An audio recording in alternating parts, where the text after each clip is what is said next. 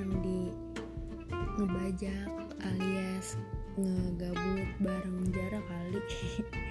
Tau sih ini emang gak jelas. Cuman ya maafin aja deh. Jadi kalau misalkan emang kalian gabut ya nggak apa-apa sok mau didengerin. Tapi kalau enggak ya udah nggak usah nggak apa-apa. Orang cuma iseng-iseng aja.